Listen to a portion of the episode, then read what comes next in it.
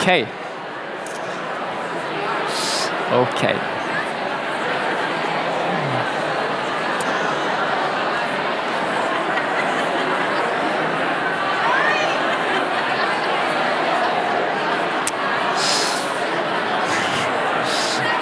Tusen takk. OK, skal vi samle oss? Jeg tror jeg satte i gang noe der som var vanskelig å stoppe. Men eh, vi skal få god tid til å bli kjent videre også. Jeg syns jeg så her i salen Ruth og Ole Jonny Larring, stemmer det? Kan ikke dere reise dere opp?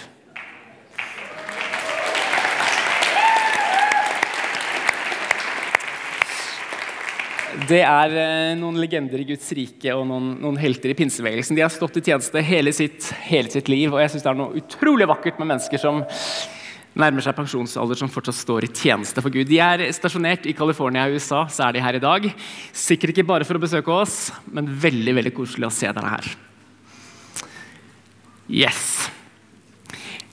Jeg liker å tenke at, eh, eller Det er mange grunner til at vi kommer til kirken her, og mange grunner til at du kanskje er her i kveld. Kanskje skal du møte noen, kanskje du blir dratt med, kanskje Jeg vet ikke.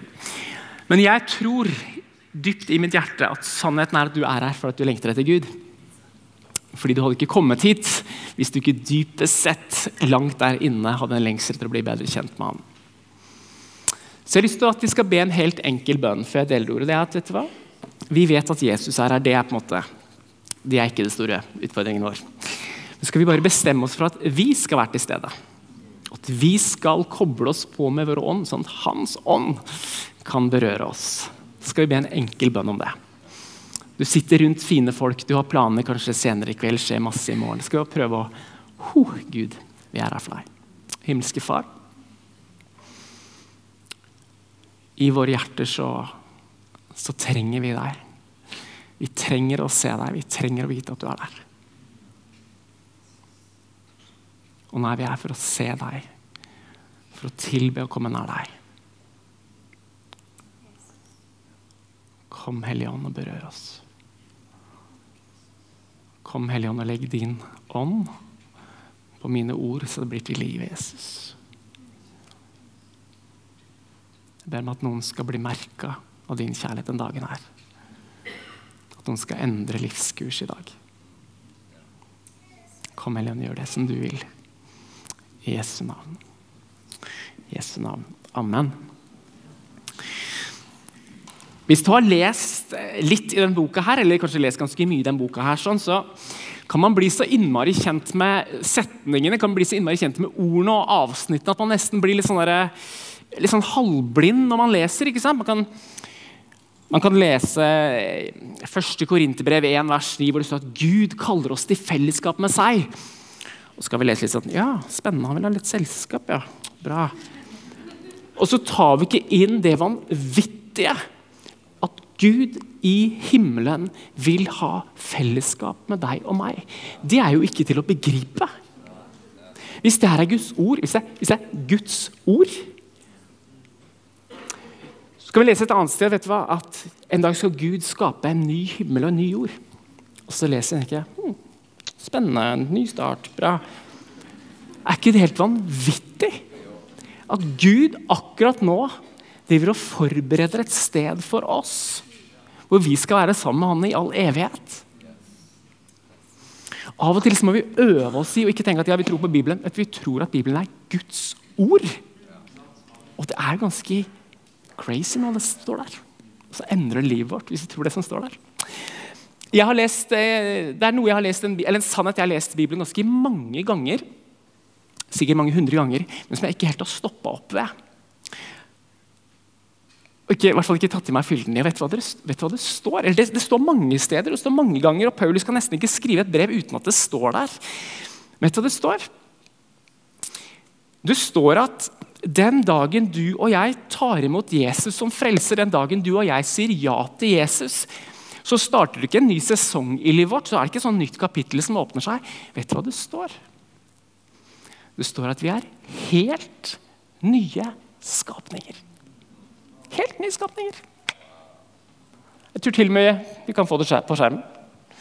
Sånn her står det forresten, det står mange steder, men sånn her står det i 2. Korinterbrev 5,17. Den som er i Kristus, den som har blitt en del av Kristi kropp, er en ny skapning. Det gamle er borte, og det nye er blitt til. Det vil si at Når en, kanskje en av oss sier ja til å følge Jesus, så kan du høre et litt sånn klink på den åndelige fødestua. For det er et nytt liv som fødes fram. Og fordi jeg kjenner ganske mange av dere, så vet jeg at for noen av dere, når dere tok imot Jesus, begynte å gå med han, så var det ikke veldig sånn stilrent og vakkert. Det var litt søl og det var litt skrik. Fordi det var en fødsel av noe nytt. Et helt nytt menneske. Og så er det Noen av oss som ikke har hatt så radikale omvendelseshistorier, men vi også. Vi er helt nye skapninger. Helt nye mennesker.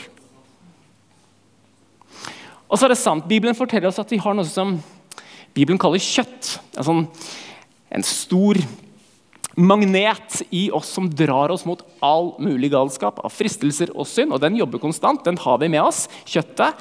Det er sant at sinnet vårt er eh, spesialutviklet til å bli forstyrra hele tida, til å bli ja, satt litt ut. Og vi lever i en sekulær kultur som drar i oss og sliter på oss. Men sannheten midt i det her er at vi, Gud har pusta sin ånd på oss, at vi er helt nye mennesker. Vi er barn av Gud, vi er velsigna av Gud. Vi er sett av Gud, vi er kalt av Gud. Og så har vi en heiagjeng i himmelen, et smil over livet vårt. Og så kjenner vi kanskje litt på, på at det likevel er en sånn tension. At, at, det ikke er helt konfliktløst allikevel. For at kjøttet vårt ønsker så gjerne at dette nye livet skal leve på den gamle måten. Kjøttet ønsker så gjerne å prøve å få det nye livet inn i gamle spor. Så kjøttet vårt ønsker at det nye livet skal like de samme TV-seriene som kjøttet vårt liker. Kjøttet vårt ønsker å få det nye livet til å ha de samme prioriteringene som kjøttet har. Eller andre veien, det nye livet prøver å foreslå en bønnestund og får verdens dårligste blikk av kjøttet. Og så står vi og gjenkjenner en sånn dragning. Gjør vi ikke det? De gode nyhetene Jeg, jeg har ikke lyst til å si det overfladisk, for at ha, livet er, er på så mange måter kan være kampfullt. Men jeg har lyst til å si at du trenger ikke å være i den situasjonen hvor alt er en kamp, hvor det hele tida er uavgjort. At synden vinner litt, og det nye mennesket vinner litt, og så vinner kjøttet litt. Og så står du der, og så mister du all frimodighet. Du mister du, du, blir sliten åndelig og lever et liv som Richard, Richard Foster kaller, kaller å leve i sånn sin management. hvor du, Det du passer på, er at ikke synd tar helt overhånd. Du prøver bare å holde det i sjakk. Det trenger ikke å være sånn. Vi trenger å gi rom og gi næring for det nye livet til å komme fram og ta større og større plass. Se for deg sånn, eh, et slagsmål mellom to hunder, eksempel. Hundekamp. det er ikke så vakkert å tenke på, men Se for deg at du etter hvert sulter den ene og gir den andre mat. Da blir det til slutt én som vinner. Hvis vi gir det indre livet vårt, nye mennesker, rom og plass, så vil det formes en ny livsstil i oss. Hvis vi bevisst gir det nye mennesket rom i livet vårt, så vil vi endres til å bli mer lik Jesus. Og Det kristne livet det handler Vi og jeg elsker å bli inspirert, men det handler enda mer om å bli transformert. Å bli forma lik Jesus Kristus. Det står, det står et, et, vers i Romerne 9, 19, et sånt rart vers. Der står det for, den, for det skapte venter med lengsel på at Guds barn skal åpenbares i herlighet. Skapelsen venter på at vi, Guds barn, skal åpenbares i full herlighet. Jeg, jeg, det er mest sannsynlig skrevet inn i en endetidskontekst, men jeg tror det er noe sant også den dagen vi lever. Jeg tror at kulturen rundt oss lengter etter at vi som er Guds sønner og døtre, skal reise oss i herlighet og peke på en annen måte å leve på. Jeg har lyst til å leve et sånn herlig bibel som noen av dere kjenner veldig godt, fra, salmene fra Jesaja 60. Der står det 'Reis deg og bli lys, for lyset ditt kommer'. Herrens herlighet går oppover deg. Se, mørket dekker jorden, skoddene dekker folket.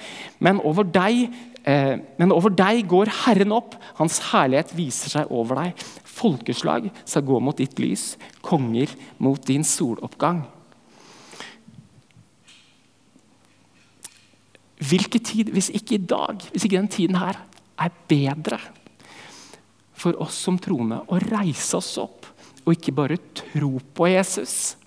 Ikke bare å mene noen kristne meninger, men å leve som Jesus med stor frimodighet og med stor glede. Og så handler ikke dette bare om at vi skal vokse i hellighet og ære, men det er, vi er kalt til å peke en retning for verden.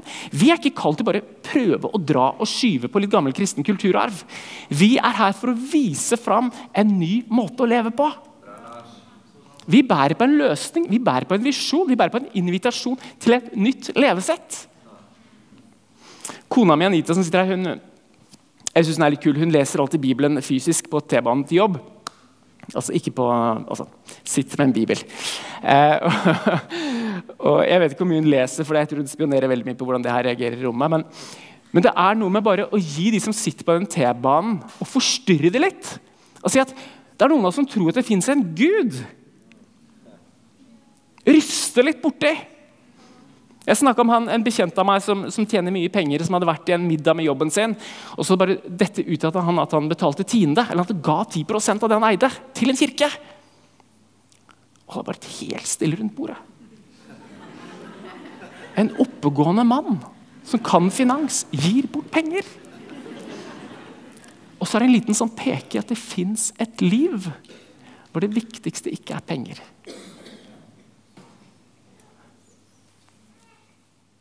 Jeg husker litt sånn, litt sånn annerledes, kanskje, men jeg, jeg ble bedt om å komme på eh, videregående på Hartvig Nissen. En sånn, en sånn videregående i Oslo med mye keramikk og batikk. Jeg vet ikke om det er standardskole, men det er litt sånn.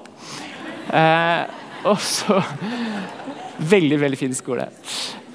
Så ble jeg spurt om jeg kunne komme og holde et foredrag om frikirken eller frikirkeligheten. Og så gjør jeg det så relevant og så kult. Jeg tenker at vi kan få det til. Og så Etter to timer og det har vært god stemning, og sånn, sånn, så stiller jeg bare et spørsmål. Eller spør er det noen spørsmål. Og så er det ett spørsmål inn som rekker opp hånda hver. Og spør har du hatt sex for ekteskapet. Eh, og så tenkte jeg vet du hva, nå kan jeg enten la den gå, for det ringer snart, eller så kan jeg ta den. Og da var jeg nygift. Jeg kunne si vet du hva, ja, eh, jeg venta på kona mi. sånn sånn. Jeg sier ikke det for å få meg til å fremstå veldig bra, for det, jeg kunne sagt mange ting rundt akkurat det der. Men vet du hva, akkurat da tenkte jeg at nå sitter jeg her med masse unge jenter og unge gutter. Dette kan bli veldig morsomt å le av, ellers kan det skje noe helt annet i rommet. Og vet du, Det skjedde noe helt annet i rommet. Det ble helt stille. Når det ringte, så ble det noen gode samtaler etterpå. Fordi vi droppa en bombe inn i det klasserommet. At det finnes et liv, det finnes en verden der det ikke handler om at begjæret vinner, at du hele tiden skal være på. Hvor det fins et trofasthet.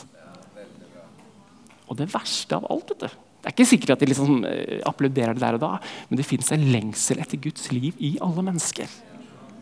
Og når vi gir det disse her forstyrrelsene av hva vi tror på, så skaper det noe. Og jeg tror den tiden vi lever i nå, vi lever i en, en tid som Norge aldri, har før, aldri før har sett. Vi lever i en postkristen setting. Det er ikke førkristen. Folk ofrer ikke babyene sine på haugene rundt der vi bor. Nei.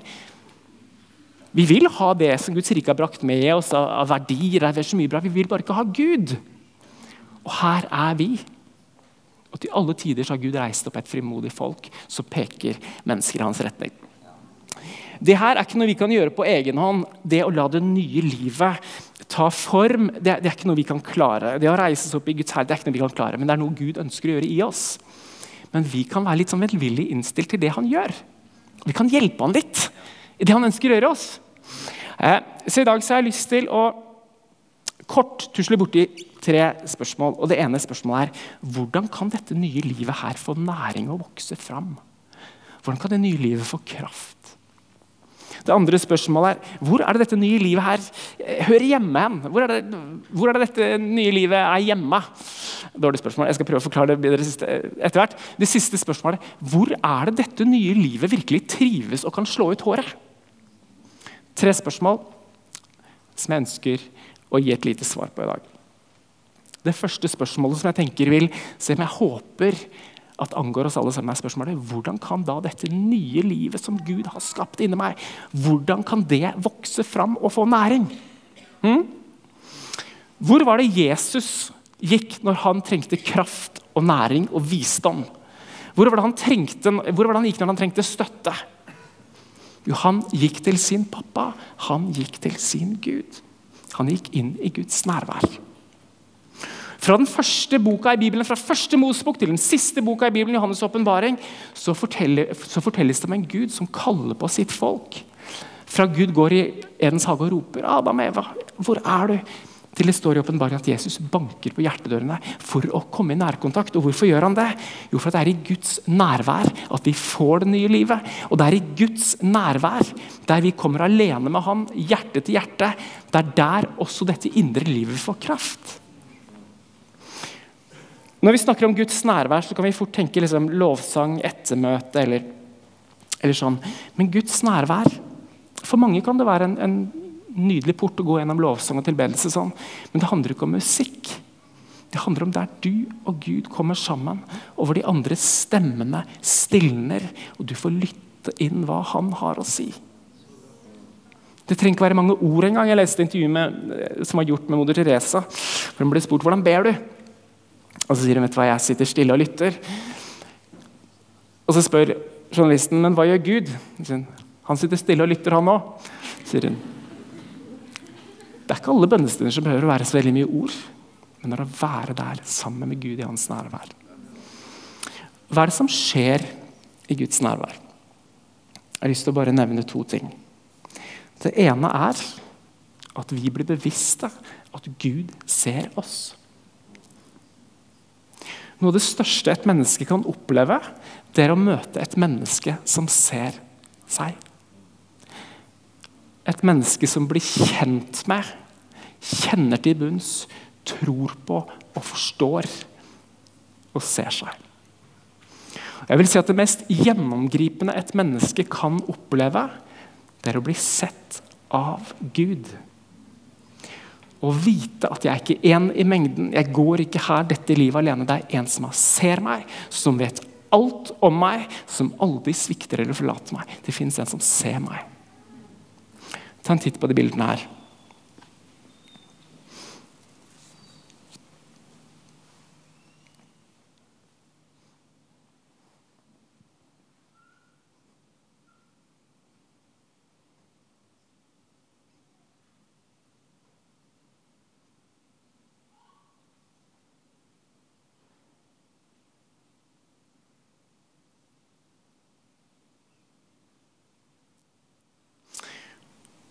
Vet dere hva de menneskene der ble utsatt for?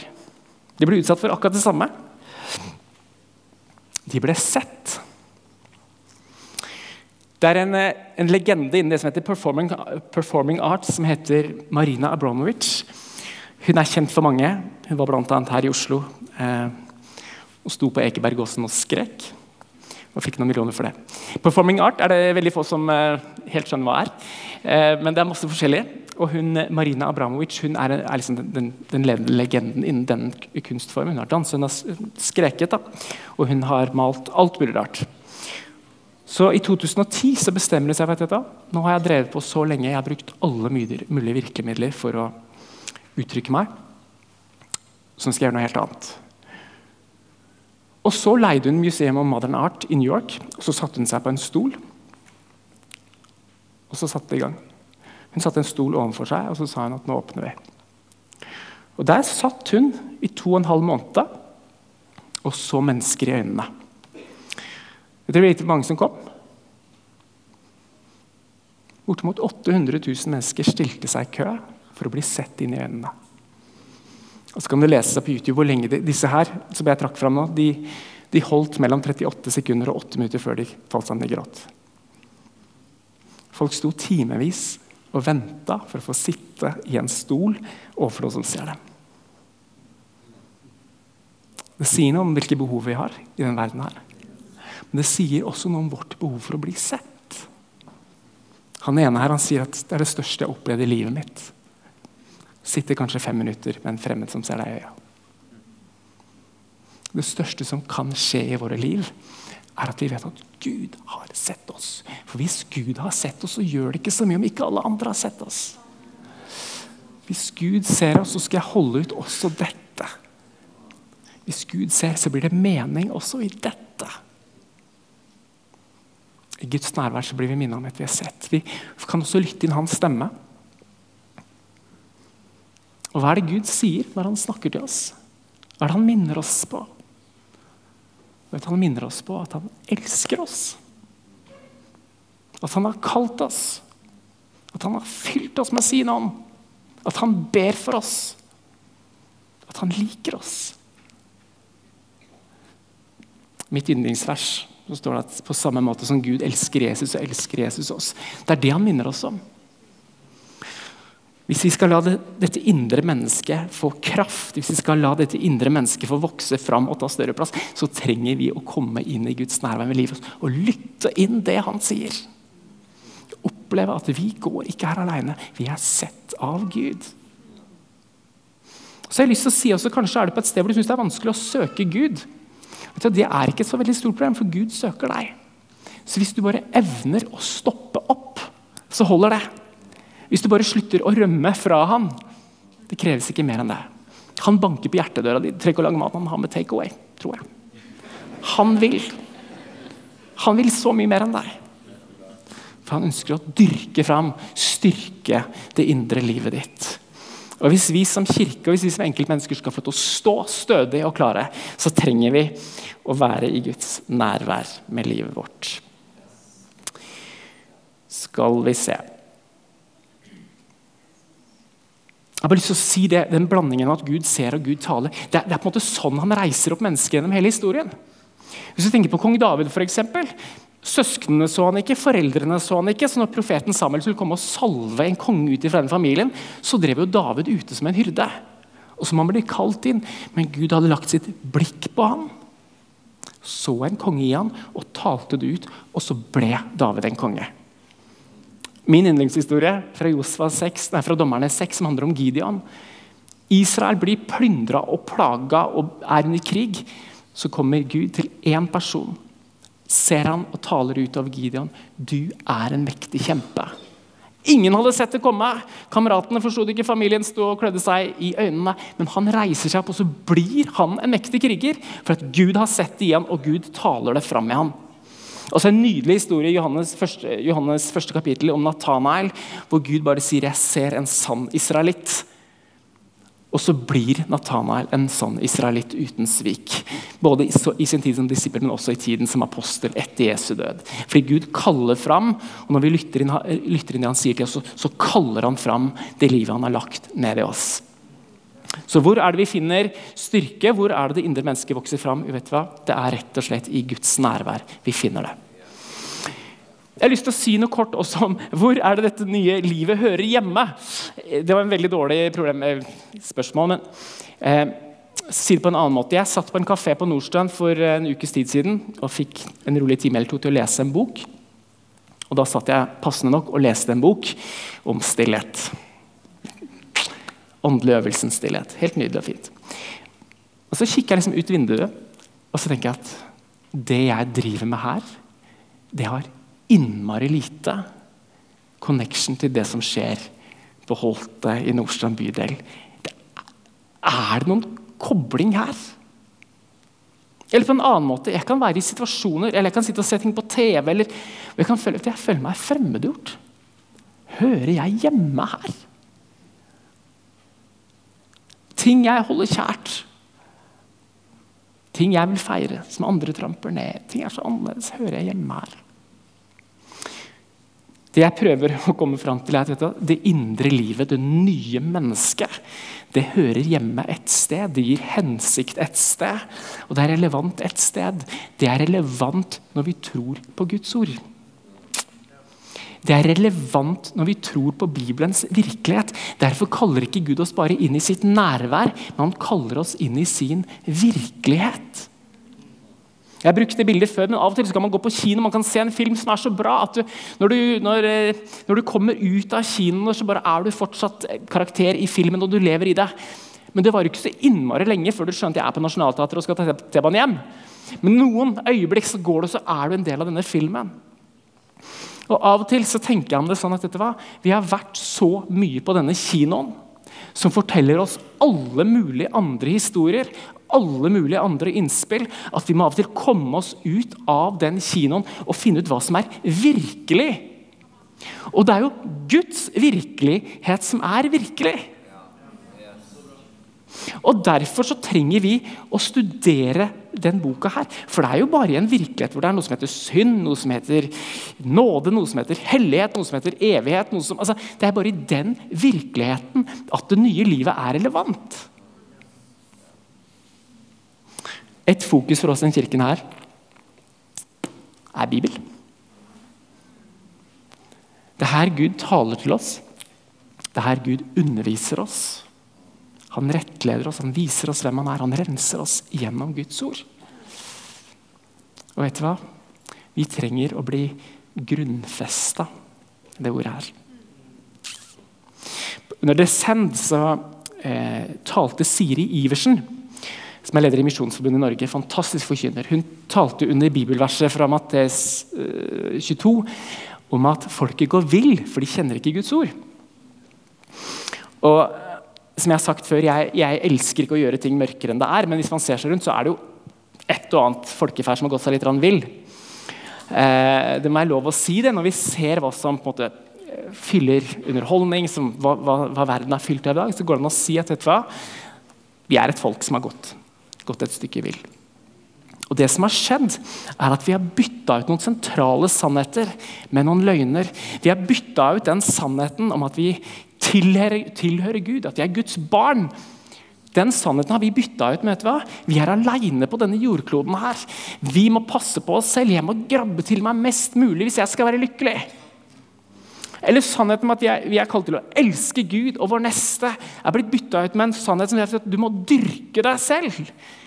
Du må virkelig dyrke ditt eget hjerte, for ditt eget hjerte er jo Gud. Det bestemmer hva som er galt, hva som er rett. Du må følge ditt eget hjerte. Sannheten om at det som er suksess, er å få lov til å leve i fred med Gud og følge ham med sitt liv, er bytta ut med tanken om at suksess det må jo bety penger og frihet og luksus. Det er jo det som er, det er, det som er suksess. Og Så har disse løgnene fått feste seg, og så bygger vi våre liv på løgner. Og da er det jo ikke rart at liv begynner å se litt annerledes ut enn sånn Gud hadde tegna det opprinnelig. Jeg tror ikke det skal bli noe vane, men jeg har lyst til å sitere Morten Harket. Noe han sa i et intervju. Jeg tror Til Dagsavisen så sier han vet du hva, vår generasjon vi har sparka ned alle de trange veggene i kirken. Bare for å komme ut og kjenne at det blåser isende kaldt. Det syns jeg er godt sagt.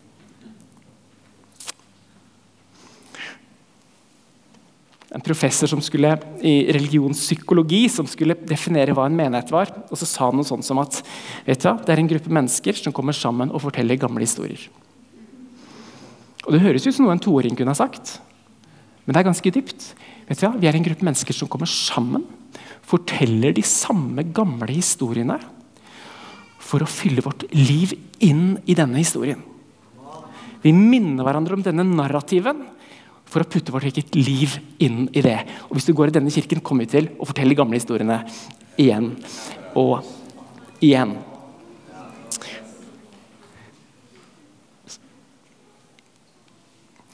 Og Jo mer vi studerer denne boka, her, jo mer vi leser Bibelen, så vil vi oppdage at det kan jo hende at det er sånn at vi også har en fot her i denne historien og en fot i dette narrativet og ett fot i dette mønsteret. Det kan jo skje. Det er det som er så nydelig for Bibelen. Det er et sånn, det er en kart til frihet.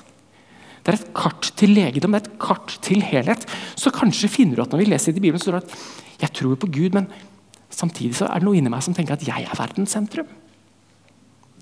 Og så blir det sånn avslørt at oi, her er det noe som ikke, ikke henger helt på greip. ikke sant?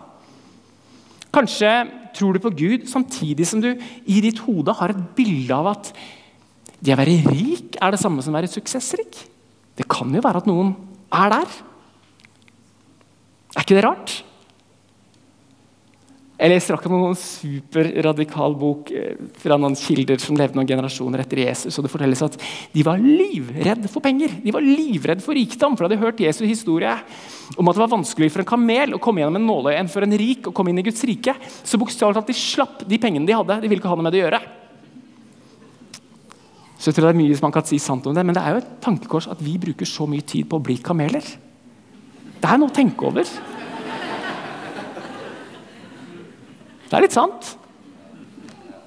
Ellers kan vi si sånne ting vet Du Du er så trofast, du skal få lønn i himmelen. Ja, det er helt reelt, det. Så merker vi at vi sitter sammen i, i, i forskjellige narrativer med livet vårt. Og så ønsker Gud å bringe oss til helhet. At det er helt, det vi tror, det vi sier, det vi gjør.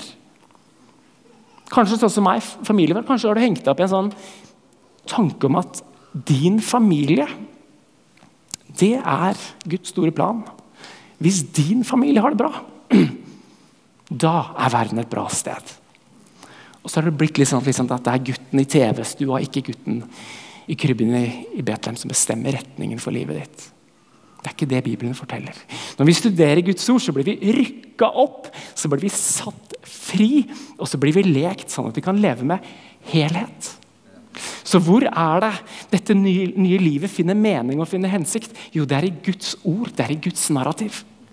Og Derfor så trenger vi å være i denne boka her. Og så har jeg lyst til å si til dere at Vi er ikke noen ungdomsfestival. Det er mange unge, unge mennesker her, Vi er ikke noen ungdomsfestival. Vi er ikke tenåringsarbeid. Mange av dere som sitter her, dere står i jobber og i personlig liv i etiske dilemmaer opp til halsen i det rommet her er det flere mastergrader enn det er storrader. Vi er trent til å tenke kritisk. Og jeg har lyst til å si til deg at vet du hva? det nye livet det er ikke en følelsesklump. Det kristne livet er ikke naivt. Kanskje trenger du og vi å studere Bibelen hakket dypere, så vi blir grunnfesta i at vi har sannheten som er gitt oss av visdommen selv. Statistikken sier at dere som er 25, er ikke her når dere er 30. og Det er ikke fordi dere har flytta, men det er fordi 50% av dere ikke lenger tror. Og Jeg sier det nå sånn at det ikke skal skje deg. Vi trenger å studere Bibelen også for å bli stående. Og vi har ingenting å være redd for, vi har ingenting å skamme seg for. Dette holder vann, har holdt vann hele veien. Vi trenger bare å gå litt dypere i det. Så det blir et fokus for oss den høsten her.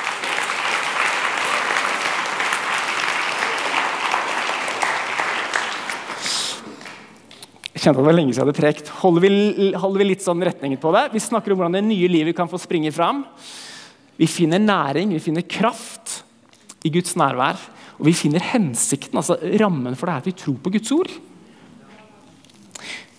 Og så var spørsmålet hvor er det måte det nye livet kan slå ut håret og virkelig komme til liv hen? Og vet du hva, Det er jo i oppdraget.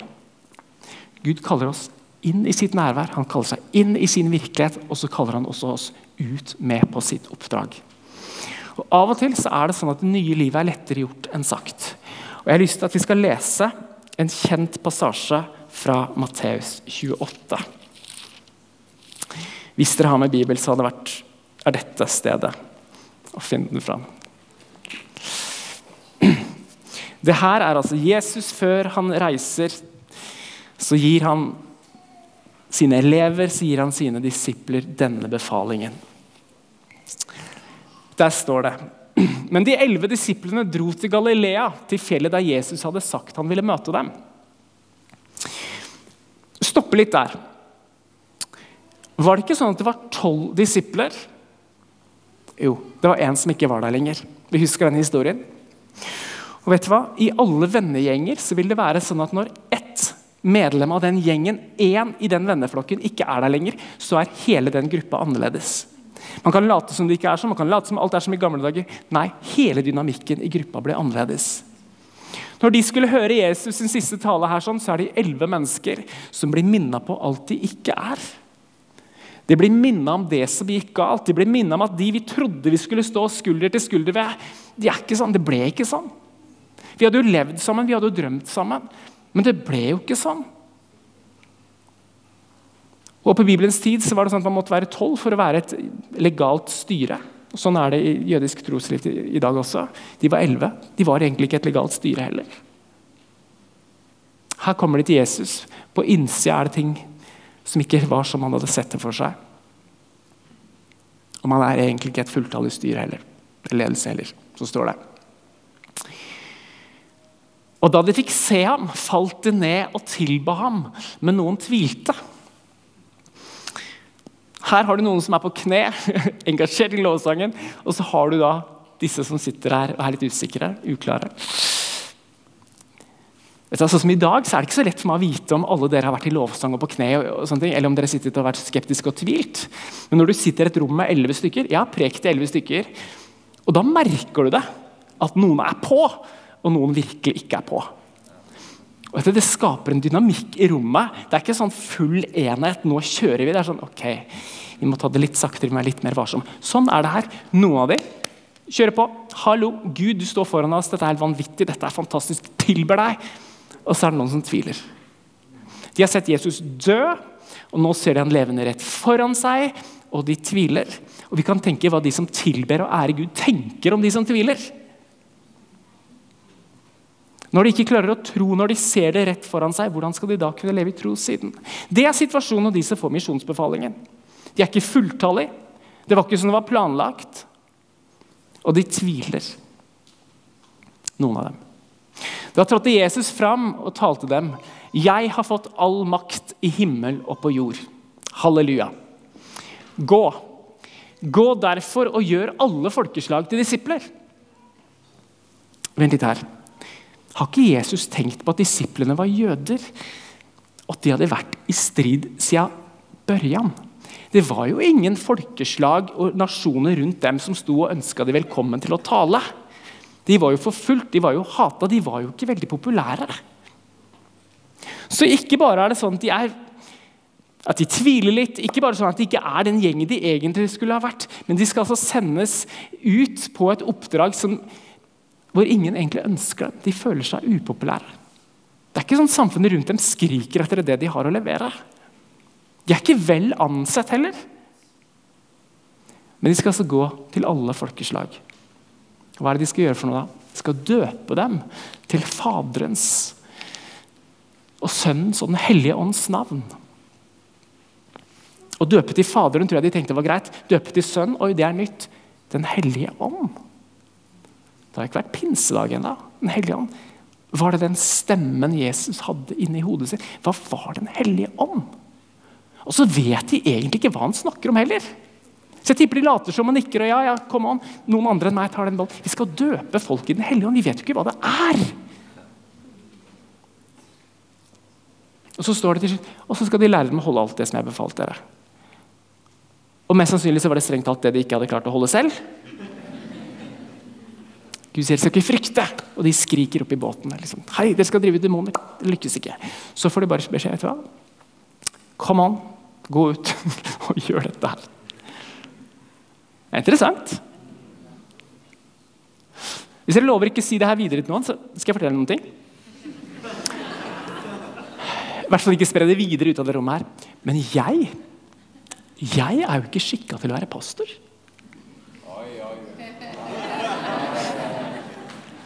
Jeg strekker jo ikke til som pastor. Jeg har jo ikke det som trengs for å være pastor.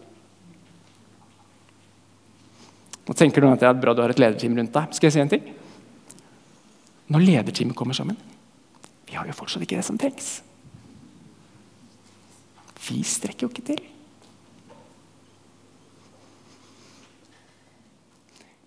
Det er jo ingen i denne boka her som strekker til. Det eneste som redder oss, det er starten og slutten på den teksten vi leste nå. At til meg er gitt all makt. Gå.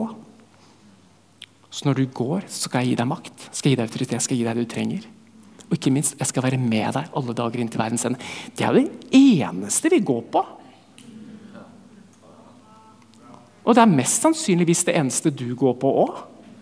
Du kan ha erfaring, du kan ha kunnskap, du kan vise vise, men du strekker jo ikke til.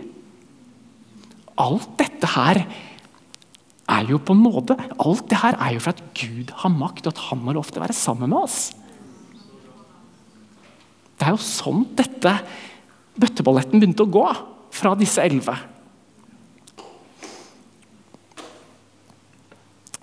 Veldig ofte når vi snakker menighet, så typisk sånn som i dag også, jeg snakka om et kall inn i Guds nærvær. Jeg snakka om kallet til, til, Guds ord. Og så jeg kallet til å gå ut og bringe godhet til verden. Og jeg må innrømme at I mitt liv så har jeg veldig ofte tenkt sånn at jeg kan bli med på den gå ut-delen når det på en måte bruser over av koppen på de andre områdene. Når det andre er på plass, da er jeg klar til å gå ut. Fortell en sånn morsom ting. I, I, april så satt jeg, så hadde Barna lagt seg, det begynner å roe seg i huset, og jeg kan ha litt stilletid. Da, da det er mulig hjemme for oss å ha litt stilletid. Og så skulle jeg akkurat til å sette meg en bok. Og så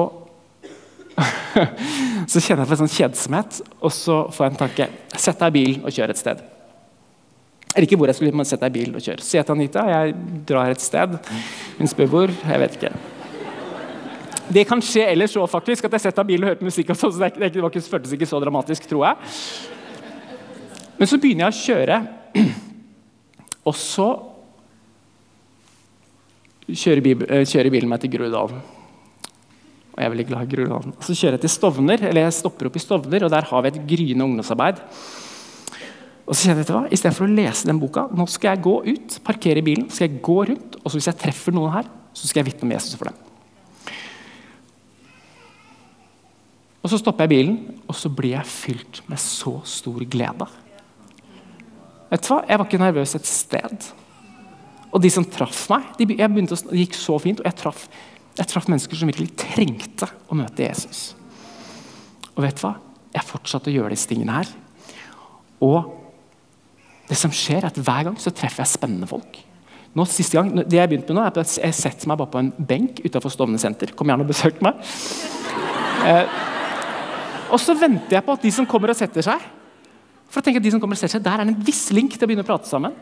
Den siste dama jeg pratet med, en eldre dame fra, med en annen kulturell bakgrunn enn oss, begynte så vidt å snakke. Hun begynner å snakke litt om barna sine. sånn og sånn og sånn. Blir sittende og snakke over 20 minutter, så ender det med at vi ber for barna hennes. Hun forteller at hun vokste opp med en tro. Eh, og når jeg skal gå, så holder hun meg hendene og sier må du virkelig gå. Og så sier hun jeg tror kanskje det var Jesus som sendte deg til meg i dag. Og vet du hva? Jeg har en jobb, jeg vet hva, jeg ikke treffer så mange ikke-kristne, så jeg, jeg, bare, jeg, må bare komme meg ut og gjøre sånt. Eh, men det jeg egentlig hadde lyst til å si, at de kveldene så legger jeg meg sånn kuler under øynene. Jeg kjenner sånn glede. Og så, sånn, Den gleden gjør at jeg får lyst til å lese Bibel. Og når jeg leser Bibel, så får jeg lyst til å gå inn i Guds nærvær. Og så får jeg lyst til å gå ut og bringe godhet. Det er ikke sånn trappetrinnsmodell her. folkens. Du kan faktisk begynne med å bringe godhet. Det er litt det, det jeg har lyst til å si til dere. Vet du hva? Hvis vi sier at vi har lyst til å si ja til å bli forma lik Jesus Kristus Veldig bra å tro på han, veldig bra å, være på vei til himmelen, men vi ønsker å reise som et frimodig folk i det landet her. Vi ønsker å bli stående med det livet som Gud har gitt oss. Vet du hva? Da trenger vi å si Gud, vi vil møte deg alene. Vi vil møte deg. Og vet du hva? Vi vil fylle oss med den boka bare for å holde oss på stien, hva det handler om. faktisk. Og vet du hva? Så har vi lyst til å være med deg. Vi har lyst til å være med deg på misjon, Gud. Vi har lyst til å være med ut. For deg så handler det om kollegaene dine, for deg så handler det om de du jobber sammen med. de du går i kollokviegruppe med. Eller kanskje du gjør som meg, gå og sett deg på en benk i parken. Det kan bli kjempefine samtaler av det. Jeg tror for kirken vår at det her er et lite sånn kart hva vi skal drive med. Og ikke minst det siste, at vi skal få lov til å gå frimodig ut. Både som kirke i fellesskap, men også som enkeltmennesker.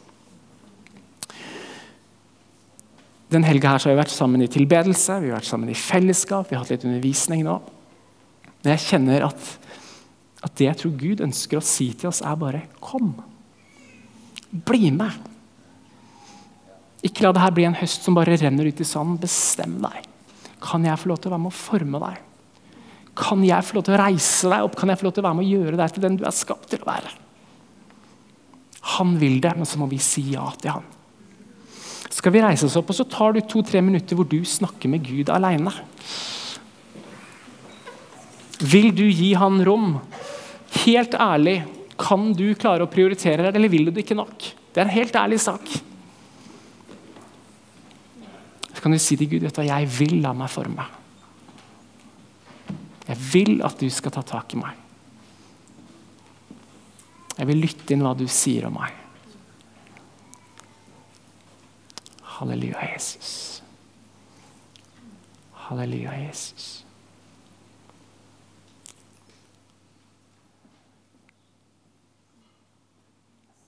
Ta en ærlig prat, bare du og Gud.